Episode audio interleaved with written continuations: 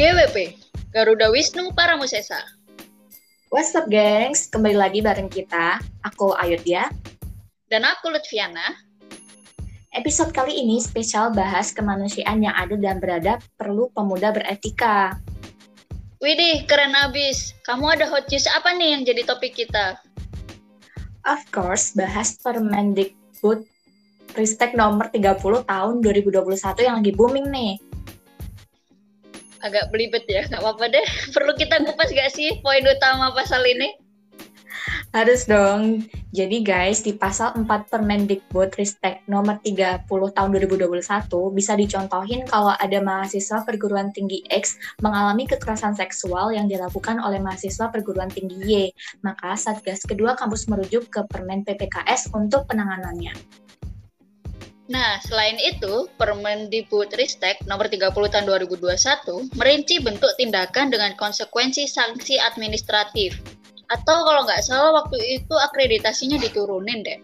Nah, mengakui kemungkinan bentuk kekerasan seksual tersebut berkembang dan mengatur langkah-langkah pencegahan guna mengurangi kerugian akibat kasus kekerasan seksual.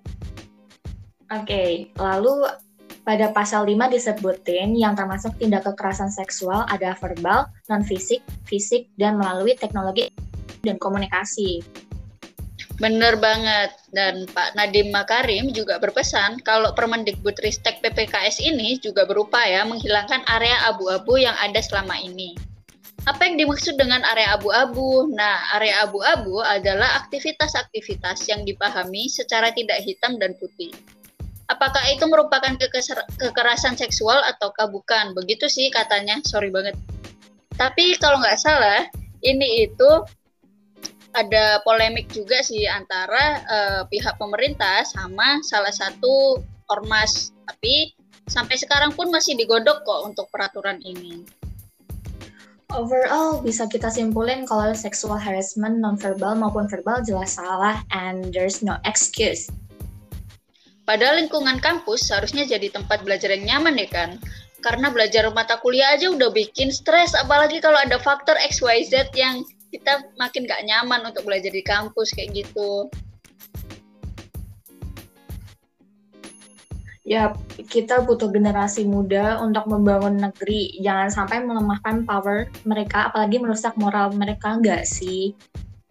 Betul betul. Etika benar-benar dibutuhin buat jaga hak asasi masing-masing. Jangan sampai kita melanggar kewajiban yang udah ada sehingga bergesekan dengan hak orang lain.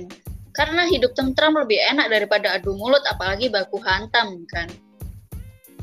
Sebagai pemuda, kita diharuskan menghormati orang yang lebih tua, tetapi kita juga harus berani menyuarakan hal yang benar sebisa mungkin dengan cara yang sopan dan santun. Benar banget. Jangan lupa untuk selalu peduli dan berempati pada sesama ya guys. Dunia ini ada banyak orang baik, tapi kita butuh lebih lebih banyak lagi. That's all from us. See you on the next GWP podcast episode. Bye. Bye, -bye.